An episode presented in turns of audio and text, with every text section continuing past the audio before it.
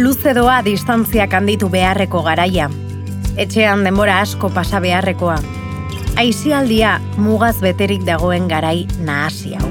Orain bai, orain ez, eta tartean galdera ikurrasko. Astera doan irugarren atal honetan, aur eta nerabeen jarriko dugu fokua. Haiek ere, badutelako zeresana bizi dugun krisian. Askok familiako zenbait egoera gordini egin behar izan diete aurre. Aztu gabe eten digitala edo etxe bizitza mota. Aurreta gazteen egoera maigaineratzeaz gain, entzun ere egingo ditugu noski. Eta espazioa eman, hori baita behar dutena. Izan ere, baldakigu zer duten esateko gazteetan erabeek.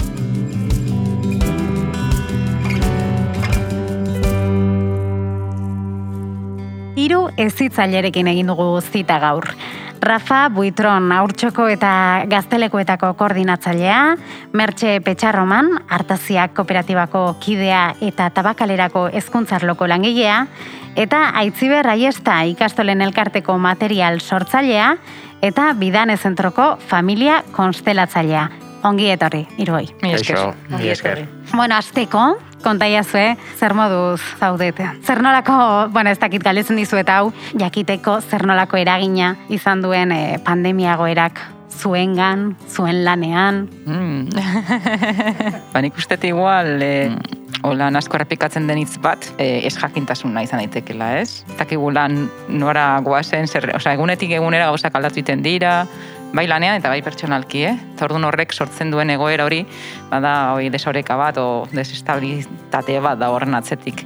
Eta hori lanean noski, baita, ez dakigu gauzak ari garantolatzen, ez dakigu ze puntura izango diren egin. Ez jakintasun horrek, ba, bai sortzen duela, ba, ba ez, egoera, ba hori, e, lehenu ez genuna, ez? Eta nondikan gatozen ere, ja. Osa, dara magola ja urte bat, konfinamendu, etxeko konfinamendu batetik gatozela ere bai, e, batzuentzako gogor izan zen, beste batzuentzako esain beste, baina, bueno, orokorrean denentzako gogor izan zen. Orduan ja nahiko kargatutak, ez?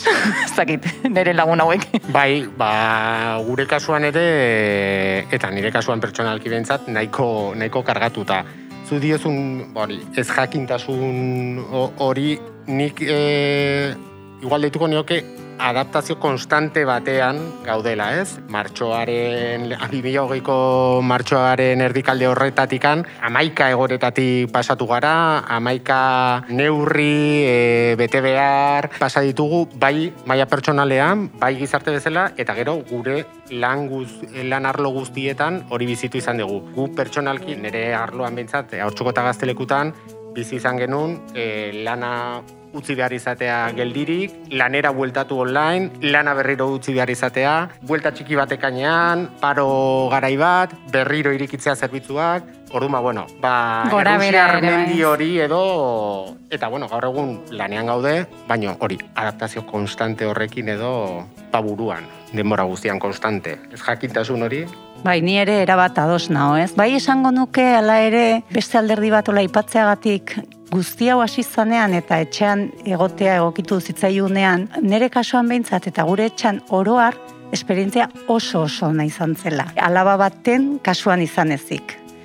E, beste guztiontzat, bueno, gauza asko harinduzian, erlajatu ginean, gozatu genuen elkar bizitza hortaz, naiz eta bazeuden alderdi batzu, bueno, bueno ez ziren erosoak, ez, baino, bai, plus bat izan gendun, lehenengo momentu hortan, eta eta kasi etxean gelditu ginen, e, atala handi batean naiz eta jakin beste askorentzat oso oso horra izan zela. Hori ere familia giroaren arabera ziurrenik eta norberak egokitzeko daukagun gaitasuna eta hainbat eta hainbat gauza. Hortik aurrera, ba nere esperientziatik luze. Momentu hontan ja luze, ezta? batzutan pixkaten korsetatuta sentitzen gea, ez hainbeste neurri, hainbeste gauza. Eta esaten dezuen ez jakintasun hortan, nik sentitzen detena da, eta nire inguruan, bai sortzaile, materialgintzan, ikastoren elkartean sentitzen dugu aldaketa batean, gaudela, aldaketa hortan e, ardura degula, eta ardura hori ba, oso garbi ez dagoela, edo ez zaigula agerian jartzen dundik. Naiz eta norberak ba intuizioz edo senti dezaken eta ez da erresa kontra jartzen direlako pertsona mota asko une honetan e, orain arte bizi izan degunak pisua du, esan nahi dut ez, eta hemendik aurrera zer, eta bueno, hor badago refleksio handi batean gaude, eta refleksio hortan ba zailtasunak. Eta gero nik terapia munduan sentitzen dut jendeak, eta hau ere, bueno, e, uste dut positibo izan daitekela neurri batean, agerian jarri da edo edo amplifikatu da hor iskutuan genitun gauza asko. E, nik neonek e, esango dizuet e, jende asko dudala momentu hontan eta horrexegati da. Eh? Eta nero nik nire buruakin ere eh? e, gauzak agerian jartzen ari dira eta eskatzen dizu lanketa pertsonala sakonago egitea. Eta horrekin uste dut bantzeko, ez? E, gertatzen ari dela, ez? Horrak gauza asko bizitzen ari dira. Gora bera hundiak eta, bueno, ba, heldu inbarko zaio horri ere, ez? Iurrenik. Eta aurretan erabei begira, baduzue kezkarik? Nik horra adibidez, zuk, zuk esaten ari zen, aitzi hori esaten ari zen zinean moduan, ez? Edo arira, jo, askotan entzuten da, eski umeek egokitu iten dira, umeek e, bai, e, beraien, ez? Umea direlako, eta jo, baino gero, asten zara beraiekin hitz egiten, sakonki, eta teatzei dira gauza batzuk txiki txikiekin ere bai, e, eta fizikoki ere bai e, aldatu dira batzuk, osa, e, laun baten umia man e, zan hileri gabe ontzan bolada batez, nere semiak e, iluntasunari beldurra dio duela ja urte bat, konfinamenduaz izanetik, osa, ez da gai komunia bakarri juteko, eta komuna hiru pasutara dago, nire txea oso txikia da, oso txikia da. E, osa, badira, horren inguruan ez da e, hainbestitze egiten, ez? E, benetan ze eragina izaten ari da umetan, alako egoerak. Eta gero nerabekin, osa, imaginatu behar dugun nerabek e, bizitzen ari den egoera. Guretzako urte bat ez da hainbeste, baina nerabe batentzako urte bat. Bueno, ume batentzako, pff, imaginatu, bizitza oso bada. Baina nerabe batentzat urte bat asko da. Eta ur, Arrapatze jo gainera momentu honetan, sozializatzeko momentu honetan, etxetik ateratzeko interes eta nahi horretan eta behar horretan, ez? Bere kide, ez? Adin berdinekoekin harremantzeko beharra dakate, bai? Ligatzeko momentua, jende berria esagutzeko momentua, eta bapatean pandemia bat, erortzen zaie, holan. Orduan, nola eragiten dien, ez? E, nera behi hau, ez? Aitzi berzu ama bezala, nera behi dituzula, ba, fijo ikusiko zula, ni Bai, baino bai, beto, bai. baino, bai ikusten dudala, bai, bi- e, hilobekin, eta bai, inguruko, bai, lanean ere, bai, bai. Bai, nik ditut bi hiruak nerabeak dira, baina bueno, egia da txikiena oraindik hortxe aurre nerabezagare hortan eta bai, zarrenak eh, oso oso estu bizi dute biek, ez? Eta zuk esaten zen duen ligatzeko aukerarik, ez? Pentsa, ez? Gu zenbat atera ginean, zenbat parranda indegun, ez? Batzuk gehiago beste Zenbat ikutu garen. Zenbat hori da, zenbat besarka da, zenbat negarrin deun elkarrekin, zenbat, bueno, gauza asko, ez? Eta eta hori dena, e, bueno, bai egiten dute, e, negar egiten dute, hitz egiten dute, teknologiak daude tope, eta hor ere badituzte bere bideak, behar dutelako, baina ni, ni adibidez oso kezkatuta nago ja igual orokorra da, afektibidadearen kontuarekin eta maila osoan, ez? Bueno, igual geroago hitz egin daiteke horri buruz, ez dakit ze iruditzen zaizuen, ez? Bai, Baina- ni zentzu horretan e, guk nerabekin gaztelekuetan otxaian bueltatu ginen e, zerbitzua berriro iriki genituen, eta ikusten ari garena, zentzu hasta positibo batean, da sozializatzeko duten beharra oraindik gehiago e, nabarmendu dela. Gure kasuan orain neurri guztiekin txandak hartu, e, itzordu hartu behar dute, txandak hartu daude, eta foro murritza da, orduan askotan esaten digute, etorri nahi dugu gaztelekura, baino eske ezkea de, deno kuadrian ezin gara etorri momentu honetan, orduan nahiago dugu kalean egon. Eta hori esatezu, bueno, guretzako, ba, ez da ona, ez diralako etortzen, baina esatezu, jo, ze ondo sozializatzeko momentu horiek ez dituztenak izan martxotik ekainerako maiatzerako momentu horretan, bilatzen ari direla eta dituzten momentuak aprobetsatzen ari direla. Baina egia da, nerabe bezala, momentu asko ez dituztela biziko. Osea, daude amalau amabost urteko nerabe asko, nerabezaro guztiz arraro eukiko dutenak.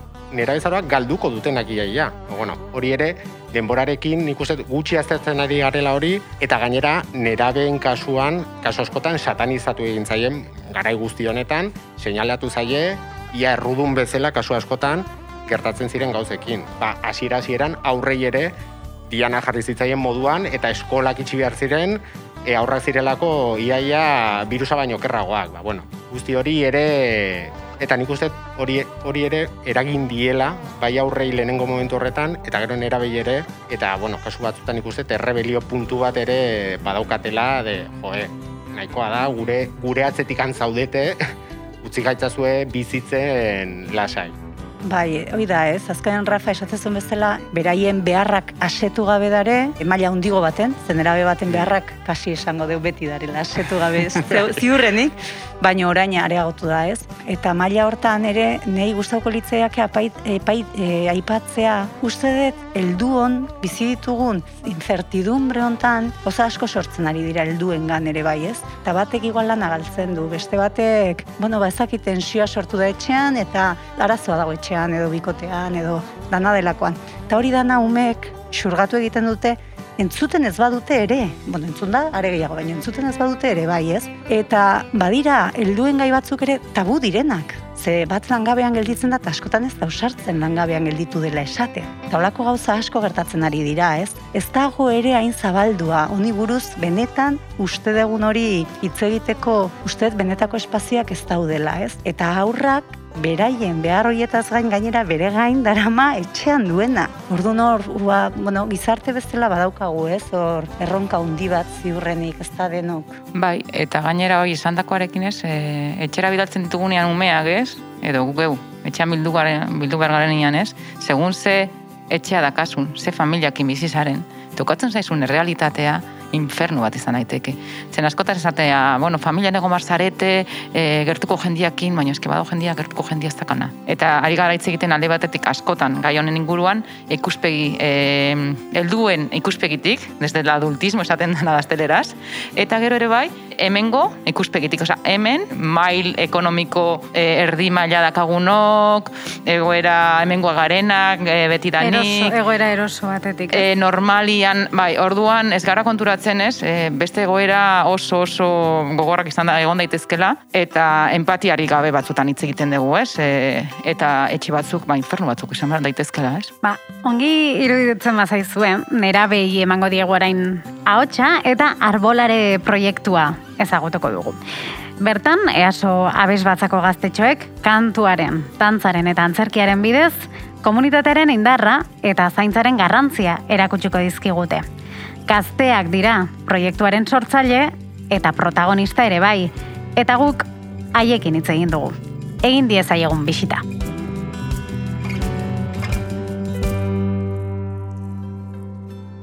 Nien ara naiz, amasei urte ditut, eta Santo Tomas lizean ikaste dut. Eta berezekin ere e, artearekin daukan edo zer gauz e, piloa gustatzen zait, adibidez antzatu edo abestu tala. Orduan, e, ba, zazpi urtekin taula, e, iten zituzten proba batzuk ikastolan, korora etortzeko taula, eta ba, animatu nintzen, eta orain hemen nago, eta hori. Ba, ni makina izan naiz, eta meriguaren ikasteet, amasi urte ditut, eta honea gurasok ekarri ziaten etxean asko gustatzen zieteako kantatzea, eta esan ba, koro batean sartuko nintzala. Eta urteak pasa, eta hemen bukatuet, horrelako proiektuak egiten, eta oso pozik nago, beraz, oso gustua. Ni iraide naiz, amairu urte dazkat eta jesuirina zen ikasten eta beste eta dantzatzea gustatzen zait, eta enara bezala eskolako proba batean hartu ninduten e, korora etortzeko, eta eroso sentitzen naiz hemen. Orain e, COVID-aren e, arazo honengatik orokorrean entxe guztiak ite ditugu behian, eta e, normalean daukagu pianoa eskuinetara, eta bertan jartzen da bueno, gure irakaslea edo pianista batzuten etortzen dana. Gero pianoaren ondoan egoten da atrilla, nun gorka normalean esertzen da, eta zuzentzen dugu tabla. Eta gero, ba, beraren aurrean, egoten dira eserlekuak, eta orain nahiko hotza da, azkenean gaude denak oso separatuak eta pixkat. Ba, urbiltasun hori edo bestea entzuteko e, geneukan ba, kontaktu hori edola, orain pixkat kaldu dugu, baina bueno, baita ere ona da pues, bakoitzak ere abesten ba, ikasteko eta autonomia gehiago ukitzeko. Ensaioak normalean horko auditorien egite ditugu hemen, eta, bueno, pertsonalki dorla estrena bat landu behar balin badugu mafaldarekin bakarrik, ba, ondoko gela batera joaten gera, piena batekin, eta nahiko handia dela, ba, hor berak ematen dizkigun ba, pautak jarraitzeko eta estena hobetzeko, eta horrela gutxinaka gutxinaka bakarka eginda gero taldeari baitere laguntzen digu estenarekin. Iraide, nola azalduko zenuke arbolare proiektua? Ba, da gu zuaitzak bezala manifestatzen gerala bezala talde lanean eta zuaitzen esatariak bezala gera. Zuek enara eta matxin zer azpimarratuko zenukete edo zer gustatzen zaizue gehien arbolare proiektutik? Ba, uste dela ba, proiektu oso organikoa dela, eta dena e, hasi gala gu montatzen hasiratik taula eta normalean operak iten dira atretzo pila batekin edo ezakit dena objektu askorekin taula eta guk iten duguna da ba, bambu zati batzuekin ja inditzazkegu gauza pilo bat orduan ba, uste hori niri asko gustatzen zaiz da opera berezi bat puntu hartatik. Ba, enarak eta iraidek esan duten bezala, opera guztiz gurea da guk sortu dugu eta material dena organikoekin eginda eta dena beziklatuta, erropa eta atretzua bera sortikan ikusita oso proiektu polita da. Gainera, udaran egin genuen pase bat, eta hor denbora gutxitan egin genuen hilabete baten edo hilabete terdi. Ta asko lan egin ondoren proiektu oso polita geltu zitzaigun, eta hor ba, kariño berezi bat dukat opina honi. Eta zuen arteko harremanak indartzeko ere baliagarria da. Bai, oso baliagarria ze e, goratzen naiz lehenengo operan nik orainik ba, jende askorekin ez nintzen ba harremanetan eta opera horrekin eta honekin orain gehiago. Azkenan nola talde txikiak diren harreman hori oso estua egiten da. Ze azkenan zaude ordu pilo bat ba ensaiatzen eta ba, azkenan harreman asko sortzen dira. Beraz, eskolatik atera eta gogotsu etortzen zarete honea, ez? Bai, ze hasieran izaten da lehenengo gunetan kriston lotxa pasatzen dugu, baina gero ja egun batzuk pasata ja berdin duzu egiten dugun. Zer kontatzen duzu, zer erabaki duzue kontatzea opera honetan? Ba, opera honetan, ba, zuaitzen bizi modua kontatzen da. Ba, zuaitzek nola hitz egiten duten, eta beraien artean, nola komunikatzen diren, guk berai betere errespetatu egin marti egula, beraiek gu baina lehenago zeudenez, ba, beraiek esan dezakegu nagusitasun handia gauki barko luketela gure bizitzetan eta horlako gauzak. Eta COVID-19 edo pandemia egoera honek badu nola baiteko presentziarik? Ba, bueno, azkenean COVID kontekstu honetan jaio da opera hau.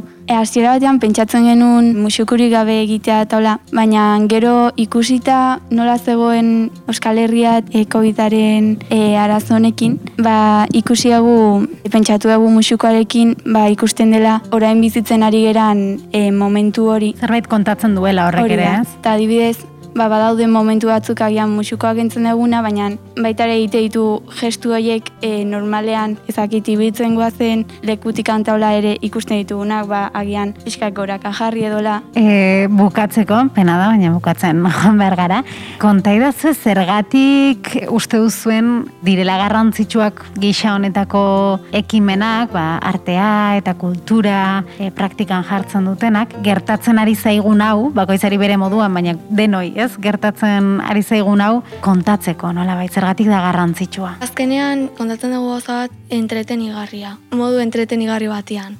Ze, hola hitz egiten, igual da pixkat txapa. Baina mugitzen eta horrela mugimenduak egiten, entretenigarria iruditzen da.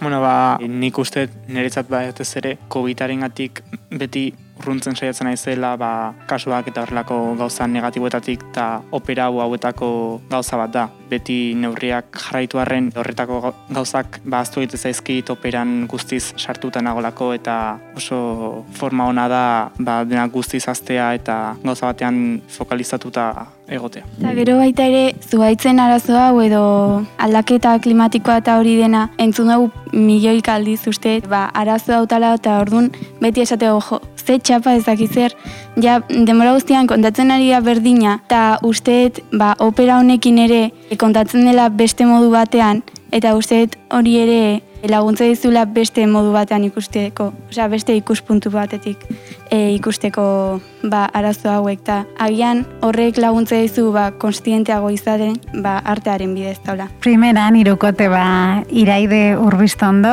matxin aisa eta enara lardizabal, mila mila esker, zuen parte hartzeagatik eta segi txapa guztiak eh, arintzen, eh? Eskerrik asko. Agur.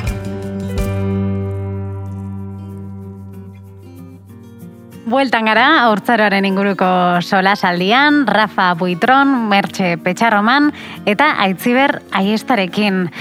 Bueno, ez da oikoa izaten, ez? E, gazte eta neraben ahotsak entzutea. Eta, eta gero, entzuten dugunean, zenbat ikasten dugun, haien. Nik uste beti, beti daukagula, bai aurrekin eta bai kasu honetan nerabeekin e, ikasteko, ez? Etxe, gure etxeetan ikusten dugu gure seme alabekin eta gure lanetan ere, inoiz ezin dezu sorpresarako aukera galdu, pore aurrekin, bai aurrekin dituzten erantzunekin, baino gero nerabeekin ere kasu askotan duten eh, heldutasun momentu marabilloso hoiekin, ba, sorpresa superpolitak dauzkazu eta horrelako horrelakoak badaude ez da dena satanizazioa leno komentatzen genuen satanizazio hori eta ez dira da ez da dena txarran erabezaroan eskerrak.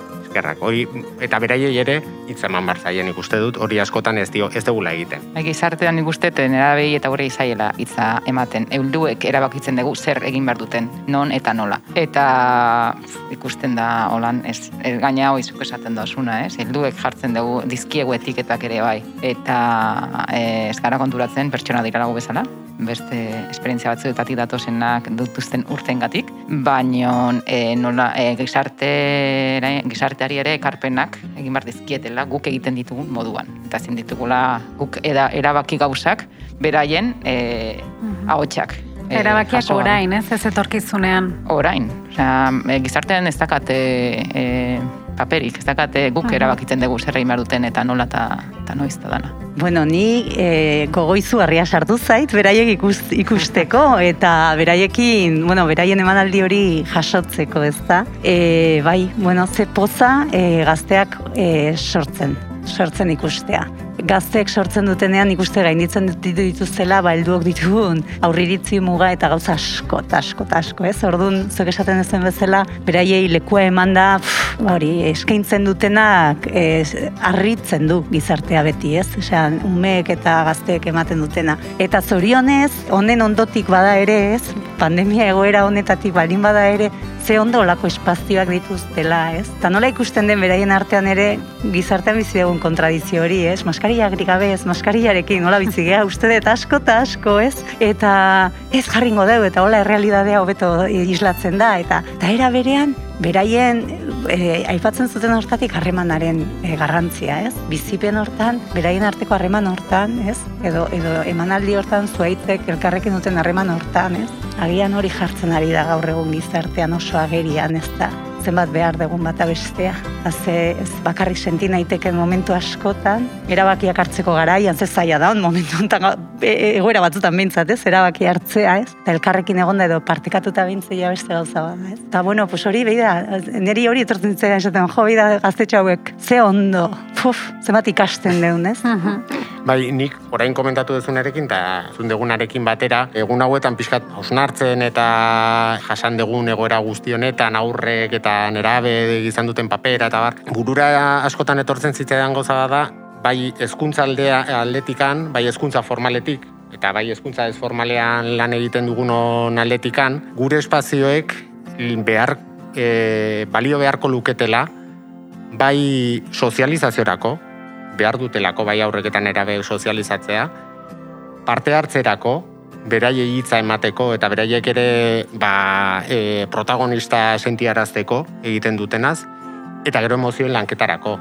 Ba, azkenean, ba hori ere askotan ahaztu egiten zaigu, oso egoera gogorrak bizi izan dituzten aurretan erabeak daude, bai pertsonalki eta bai beraien etxeetan bizi izan dutenarekin, eta oraindik han gaizki bizitzen dutena. Guri iritsi zaigu daudela batez ere nerabe asko, hemen donostin bertan, gizarte zerbitzuekin harremana duten eragiek komentatuta, eskolatikan ateratzen direnean, etxera bueltatzen direla, eta beraien egon gel- e, logeletan, e, ba, ba, Pantaien aurrean. pantaien aurrean beldurtuta daudelako eta ez dutelako atera nahi kalera. Ba, derrigortuta juten iralako eskolara, baina bestela, etxean sartuta. Eta hor gure paperan ikuste garrantzitsua izan daitekela. Guztiona. Hemen adibidez, ari zarete ez, mugak e, alde batetik eta bestetik sormenak ematen dizkigun egoak. Horrek adibidez, sekulako mm, ezberdintasuna eragiten du gazte batean edo beste batean, ez? Nik hor uste e, zirrikitua biletu behar ditugula, muga daude, eta muga dauden leku guztietan zirrikitua daude. Eta osasun neurria mantendu, eta nik behin guk lanean jarraitzen dugu, e, taldeekin, e, gure, bueno, ba, neurriak hartuta horrela, eta egin daiteke, hau da, gero ere, hartu behar dugu ez, eta nola baita iniziatiba hori zin, e, izan ez. Eta nera beta horrei lagundu, bai, eta animatu horretan. Eta baita nagusiei, zen hemen nagusoko nagusiek asko baldurtuta daude, eta etortzen dira, proiektu batzuk egitera, ezin dutelako gehiago esaten dutelako, edo bakartasuna hiltzen dago edo covid osea, bietako bat. Eta antzekoa da ere bai, ume eta nerabeen egoera, ez? Antzeko izan daiteke zen gu, lanera goaz. Eta badako gogor sozializatzeko modua, leku bat, jarraitzen dugu, ez? E, orokorrean batzuk aldu dute, osea, ez da orokorrean diot, baina ez da holan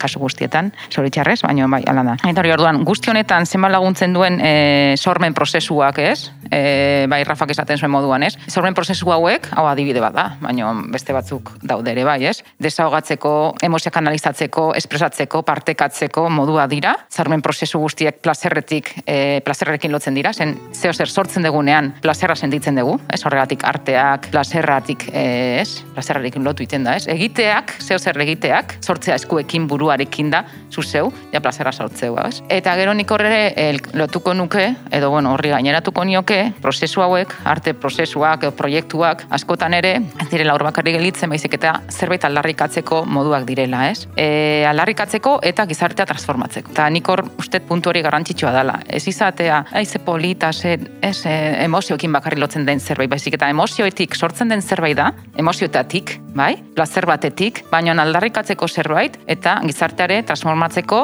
bideak izan daitezke, ez? Bai, era bat ados, mertxe. Gizartea transformatzeko hortan gaina pixka bat aipatzen zenuten aurretik, ba, muga eta esormen hori nola, ez? Nola uztartzen dan kontrajarriak diruditen hortan, ez? Ba, justo transformazioa hundiena behar degunean, sormena hundiena sortzen da. Hori psikologian esan dezulen eta horretik aipatzen dut pixkat, ez? Hor, ja, zentzua bezala galtzen hasten geranean, edo identidadea pixkat kolokan jartzen hasten denean, edo nere bideak segurtasun bazun eta orain ez du, edo bueno, gauzak aldatzen direnean, sormena behar da, eraldatzeko, eraldatzeko norbera, eraldatzeko gure laguntaldea eta areta gehiago e, gizartea, ez? Orduan krisi momentuak niri gustatzen zait esatea oportunitatea direla, hau marabillosoa izan daiteke etekin ateratzen badiogu eta ardura hartzen badegu, ardura ustet hitz berriz esango dut, baina oso importantea dela, ez? Eta eta espazio hiek eskaintzen baditugu, ez? Gaizki pasako degula dutela batzuk seguro eta horri ere eutxin bartzaiola eta lekuak eman eta bar, bai,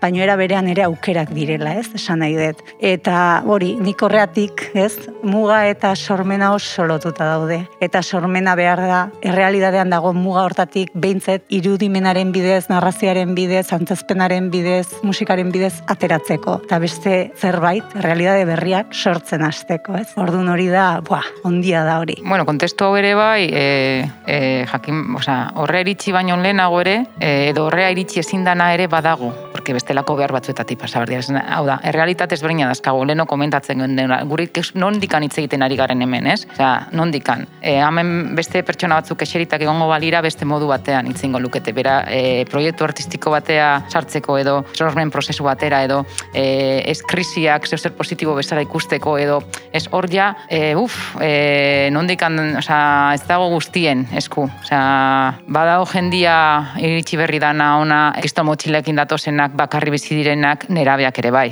Kalean biziren nerabeak daude, hemen eta bakalera askotan etortzen dira. E, bueno, badago realitate batzuk oso gorra direnak orduan, azten balde, osea, hemen hitz egiten ari garena, beraiei, horrela, entzungo balute, esango, bai, nere arazoa ez da hori, nere zara da, e, paperik ez dazkatela. Nere arazoa da, janaria lortzeko biderik ez daketa, are gehiago egoera honetan, ez? Eta hor, adibidez, ba, e, psikiatriza, osea, e, osasun mentalarekin harremendatuko egoera asko ematen ari dira, ez? Orduan, esan nahi dut, e, ondo dagoela ere, e, ontaz hitz egite, baina ez galtzea ere bai nondikan hitz egiten ari garen, ez? Behintzat, konstienti izatea. Bai, bai, ala da, ez? Eta sormen prozesu hortan, esan nahi detena da, sortzen duten e, nerabe hoiek edo aurroiek ikuspegi zabalagoa dute askotan, eta hoiek dan abiltzen dituzte, ez? Momentu hontan daukagu edo asko biltzen dituzte, ez? Momentu hontan aipatu dituzun arazoak daude, ansiedade arazo handiak daude, e, jende baita erdi mailako etxeetan ere bai. Eta momentu hontan e, kanpoti datozen jendearekin eta integrazio konbidentzia edo bizizkidetza unifikazioarekin arazo handia, handia, handia dago. Donostin bertan, nire auzoan bertan izugarria dago, ez? Eta hor berriz esango dut, hor ere, hemen gaudenok edo esan nahi da, edo alegin bat egin dezakenak, begirada guzti hoiengan jarrita sortzetik, bueno, pues pausoak eman daitezke horrek ez du esan nahi hoien realidadea gordina ez denik, hoxe baietz. Ardura bat e, lortzea, implikazio bat lortzea, inoiz baino zailagoa dela uste zua? Gure kasuan e, adiez familiekin momentu honetan lanketak egiteko zailtasun oso handia dauzkagu. Aurra bakarri sartu daitezke zerbitzuetara, familia kanpoan gelitu behar dira, orduan kontaktua badugu, baina telefono bidez da, email bidez da, galdu dugu ez, e, aurre ez aurreko hori batez ere aurtsokoetan familiak gerturatzen ziren lekua zirelako, gaztelekuetan, baina nerabeak beraien kabuz etortzen dira eta kontatua gutxiago daukagu. Orduan, baina baritu degula kontatu horren beharra dugula, ez? Eta justo hor, egun hauetan zehar ba, horri bueltak ematen ari gara eta familiekin ere nolabaiteko hartu eman bat izatearen garrantziari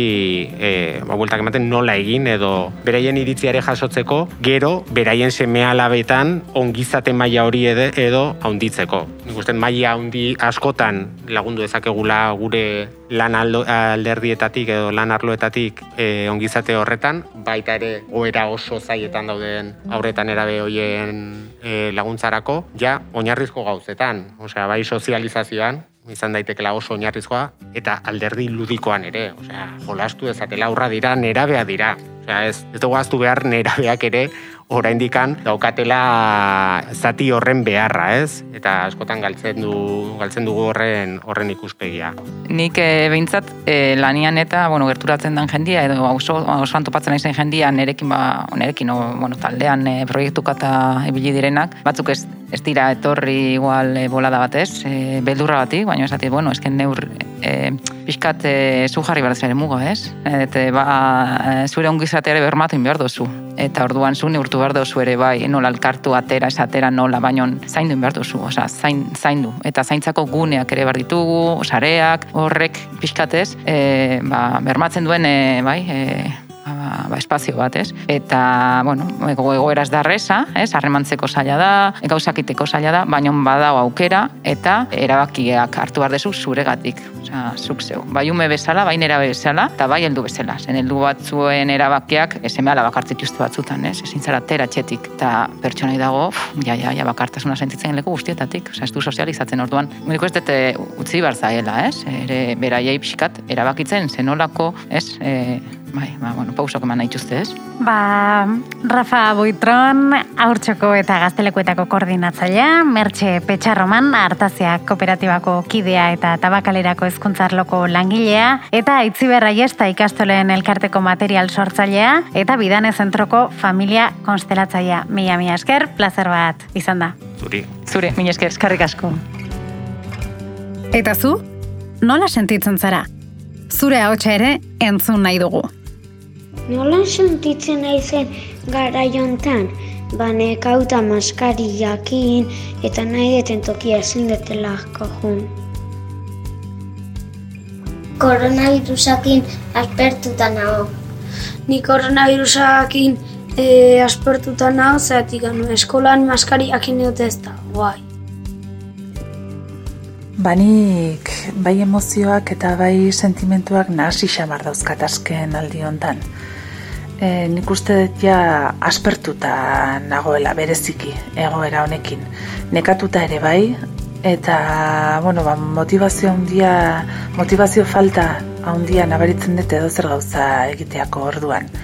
Orain arte saiatu naiz itxaropen mezu horiek zabaltzen inguruan batez ere seme alabei, baina orain neri ere koste egiten zait mezu horiek, mezu horiei heltzea monotonia, esango luke, monotonia zentzu guztietan. Edabideetan, beti gai berdina e, monotonia gure bizitzetan. Gero ere, ba, beldurra, eta beldurrarekin e, sortzen den mesfidantza. Mm, eta era berean, e, sozializatzeko gogoa ongilea. Baina mesfidantza horrekin, ba, gatazka, gatazka bat. Eta, eta hori, gizaki sozialak gara eta inoiz bino gehiago ba, sentitzen de sozializatzeko behar hori, baina mesfirantza sortzen zaidan mesfirantza horrekin, ba, hori hor gatazka bat, orduan argi dago e, aldaketa eta emozio asko bueno, ba, piztu egin direla pandemia honekin. Partekatu zure bizipenak. Bidali ahots mezu bat 6 zazpi lau, lau bi lau, lau biru WhatsApp zenbakira, edo utzi mezua erantzun gailu automatikoan. 6 zazpi lau, lau bi lau, lau lau iru. Zu ere, soinu postalen parte zara. Gu bagoaz, zirrikituak topatzera. Mugek, itxi ez, baizik eta zabaldu egin dituzten ateak deskubritzera. Bitartean, jarrai dezagun aukerak sortzen denontzat izango diren espazioetan. Espazio hoietan eta hoiei esker lortuko baitugu nahi dugun eraldaketa. Soinu postalak, postalak 2000 eta hogei proiektuaren parte da. Donostiako udalak bultzatuta, Donostia lagunkoia, osasun sustapena eta herri partaidetzaren bitartez. Emaus Fundazioa, Tabakalera, Gipuzkoako itxaropen telefonoa, Kutsa Solidarioa eta Donostia Kultura Irratiarekin batera. Atalonen podcasta edo besteren bat online entzuteko, proiektuaren webgunea bisita dezakezu. 2000 eta hogei postalak.eus. Eta astelen eta ostegunero, goizeko amarretan, deka irratian. Laster arte.